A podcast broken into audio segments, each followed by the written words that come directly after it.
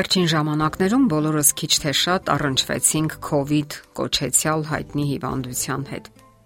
Նրա ախտանշաններից մեկն այն է, որ մարդը կորցնում է համի ու հոտի զգացողությունը։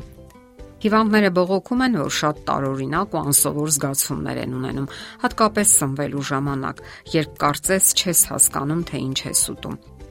նրանք չեն զգում ուտելիքի համը։ Հարցն այն է, որ մենք արարված ենք համերն ու հոտերը զգալու եւ տարբերակելու ընտունակությամբ, եւ դրանց բացակայությունը կարծես մեզ զրկում է կյանքի գույները տեսնելու եւ զգալու ունակությունից մենք ապրում ենք բույրերի աշխարհում։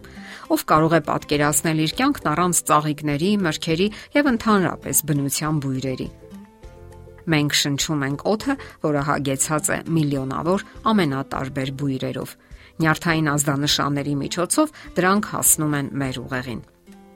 Որոշ բույրեր մեզ հաճույք են պատճառում, որոշները տհաճություն։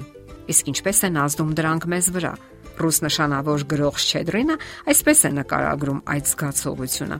Գոյություն ունեն պատկերներ, ձայներ, բույրեր, այնքան քնքուշ, որ մարդը միանգամայն մեխանիկորեն հնազանդվում է դրանց, անկախ գիտակցությունից, Նա չի վերլուծում իր այդ զգացումները եւ ոչ էլ այն երևույթները, որոնք ծնում են այդ զգացումները։ Նա պարզապես ապրում է դյութված, հմայված, զգալով, թե ինչպես է իր էության մեջ թափանցում ուրախությունը։ Դեռ հին ժամանակներից մարդիկ նկատել են, որ բույրերն ազդում են մարդու գիտակցության վրա Եգիպտական գերագույն քրմերն օրինակ գիտեին, որ հոտերն ազդում են մարդու յենթագիտակցության վրա։ Նրանք օգտագործում էին այդ բույրերը ոչ միայն ծիսակատարությունների ժամանակ, այլև բուժական նպատակներով։ Հին Հունաստանի շատ բժիշկներ կարողանում էին ախտորոշել հիվանդությունը հիվանդի մարմնի հոտերի միջոցով։ Ասում են, որ Տիբեթի վանականները կարողանում են որոշել մարդու դիտավորությունները նրանց մարմնից եկող հոտի օգնությամբ։ Եվ իսկապես, Բույրերի ազդեցությունը մարդու հուզական աշխարհի վրա մեծ է։ Օրինակ, Վարդի բույրը մեզ հիշեցնում է սիրելի մարդուն, ով մեզ վարդերի փունջ է նվիրել։ Խունկի բույրը զուգակցվում է եկեղեցու հետ։ Իսկ ինչ է հիշեցնում մանդարինի հոտը։ Դե իհարկե, ամանորյա տոները, մեր մանկությունը։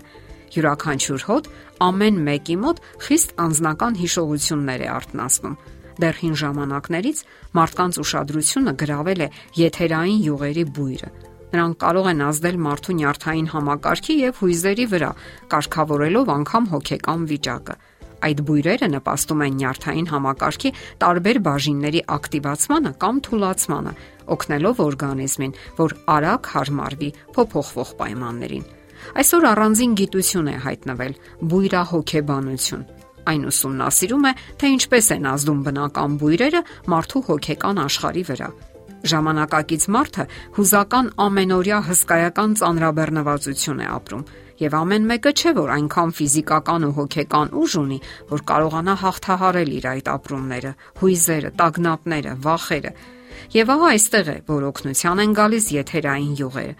Դրանք օգնում են մարդուն հոգեկան հավասարակշռություն պահպանելու։ Բույրաթերապևտ մասնագետները կարողանում են եթերայուղերից այնպիսի համադրություններ ստեղծել, որը համապատասխանում է միայն կոնկրետ մարդուն իր առանձնահատուկ հիմնախնդիրներով։ Ցավոք այն միայն բուժական նպատակներով չէ, որ օգտագործվում է։ Այսօր գնորդները հայտնվել են առևտրական աշխարհի ներկայացուցիչների յուրատեսակ թակարդում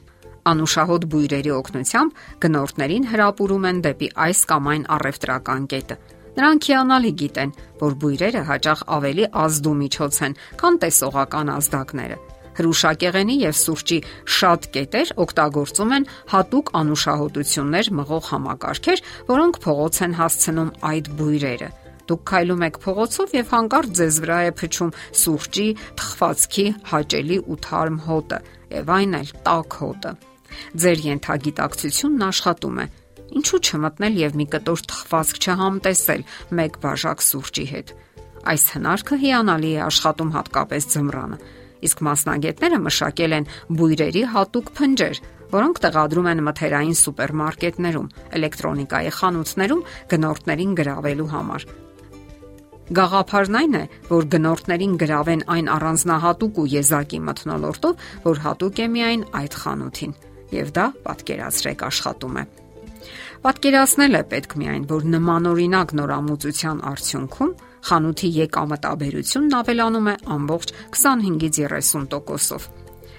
Իսկ այս վերջերս բույրերը օգտագործում են նաև քրեագիտության մեջ։ Քննիչներն իրենց սենյակում տեղադրել են ենթադրյալ մեղադրյալի սիրելի անուշահոտությունները եւ ստեղծում են մտերմիկ միջավայր։ Դրա արդյունքում հարցաքննության ենթարկվածները տեղափոխվում են իրենց հոգեհարազատ միջավայրը եւ անգիտակցաբար որոշ կարևոր խոստովանություններ անում։ Այս մեթոդը հատկապես հաջող է գործել կանանց դեպքում Արցանագրվել է 80% հաջողություն։ Շատ կանայք նույնիսկ խոստովանել են կատարած հանցագործությունը առանց նույնիսկ գիտակցելու, որ իրենց հետ աշխատում են հատուկ մեթոդով։ Նրանց թվացել է, թե այդ բույրերը կապված են իրենց անցյալից պորտկած հաճելի հիշողությունների հետ։ Ահա, այսպիսի նորամուծություններ։ Հոտերն ու բույրերը իսկապես հզոր միջոց են մարդու յենթագիտակցության վրա ազդելու համար։ Վայելեք անտառների, ծաղիկների, նոճու անտառների անուշ բույրերը։ Ճանաչեք այդ ամենն արարող ուժին, որ ամենակարևորն է, որովհետև միայն բարձրակարգ եւ իմաստուն միտքը կարող էր արարել այսքան հիասքանչ բույրերը, իսկ հետո էլ ստեղծել զգայարաններ, որոնք կարող են ամբողջնել այն։ Եվ միայն զարմանալ կարելի է նման ներդաշնակությունից։ Եթերում առողջ ապրելակերպ հաղորդաշարներ։ Ձեզ հետ է Գեղեցիկ Մարտիրոսյանը։ Հարցերի եւ առաջարկությունների համար զանգահարել 033 87 87 87 հեռախոսահամարով։